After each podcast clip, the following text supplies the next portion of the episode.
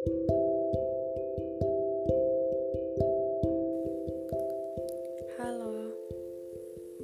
balik lagi nih sama saya Ikan.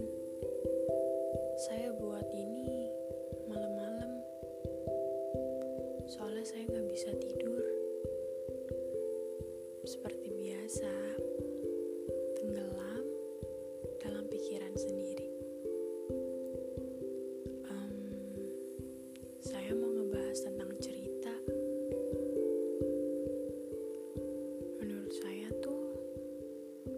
Semua orang tuh punya hak buat bercerita, menyampaikan apa yang ada di pikirannya, menjelaskan apa yang mereka rasakan tanpa harus takut dihakimi.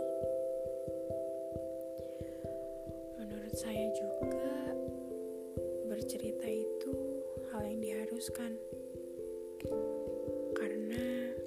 rasanya terlalu jahat kalau terlalu menyiksa diri dengan cara memendam itu semua sendirian.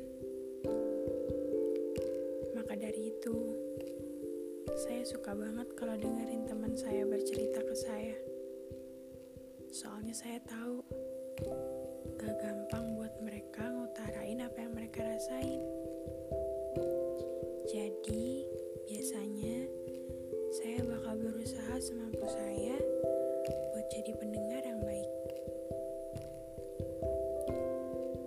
Sebenarnya saya juga nggak mudah sih buat bercerita tentang apa yang saya rasakan. Soalnya saya punya kenangan buruk tentang itu. Ketika saya bercerita sama orang yang saya kira bisa saya percaya, malah dia sebarin ke semua orang.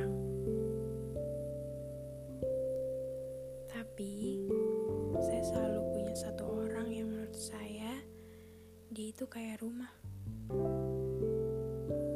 Sejauh apa pun saya pergi, saya pasti balik lagi ke dia. Bukan, ini bukan tentang cinta-cintaan. Ini tentang sahabat saya.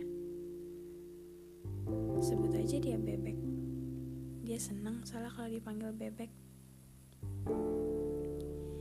Dia itu satu-satunya orang bisa saya percaya untuk saya ceritain semuanya. Dari keanehan saya, dari kisah percintaan saya yang gak kelar-kelar sama satu orang itu. Sampai mungkin tentang masih jatuh pun saya ceritain ke dia.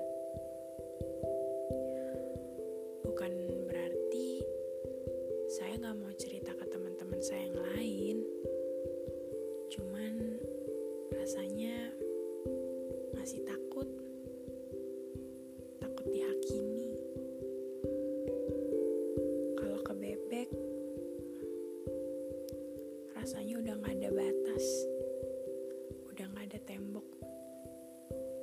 Mungkin karena saya temenan sama dia udah lama juga kali ya. Dari saya SD.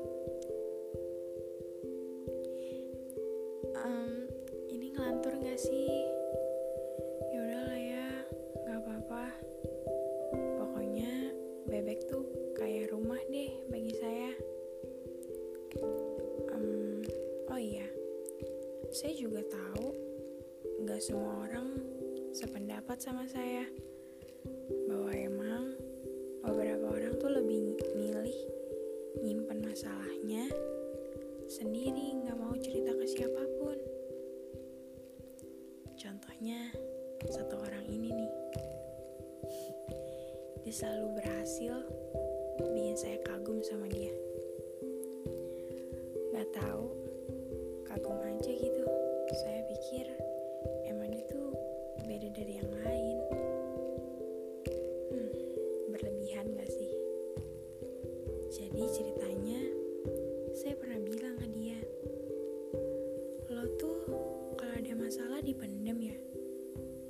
terus dia jawab iya ngapain harus cerita ke orang emangnya mereka bakal peduli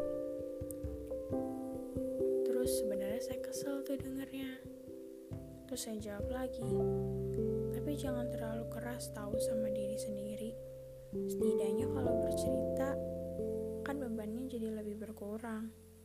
Terus dia jawab lagi, ya gue mikirnya, masa gue ngasih beban gue ke orang lain? Saya diam. Sial, saya mengumpat diam-diam. Lagi-lagi dia berhasil bikin saya kagum sama dia. Aduh, semoga orangnya nggak denger ya. Malu kalau sampai denger. Nanti kalau ketemu saya nggak mau natap matanya ah. Takut. Oke, balik lagi nih ke bercerita. Setelah banyak hal yang saya dengar dari orang-orang yang mau bercerita ke saya, saya paham bahwa sebenarnya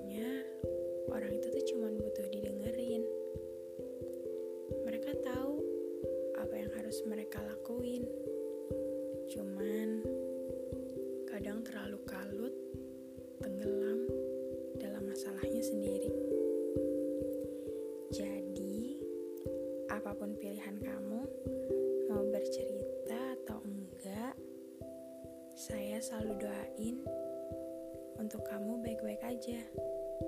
Tetap menjalani hidup dengan sabar ya. Hidup tuh emang suka nggak jelas.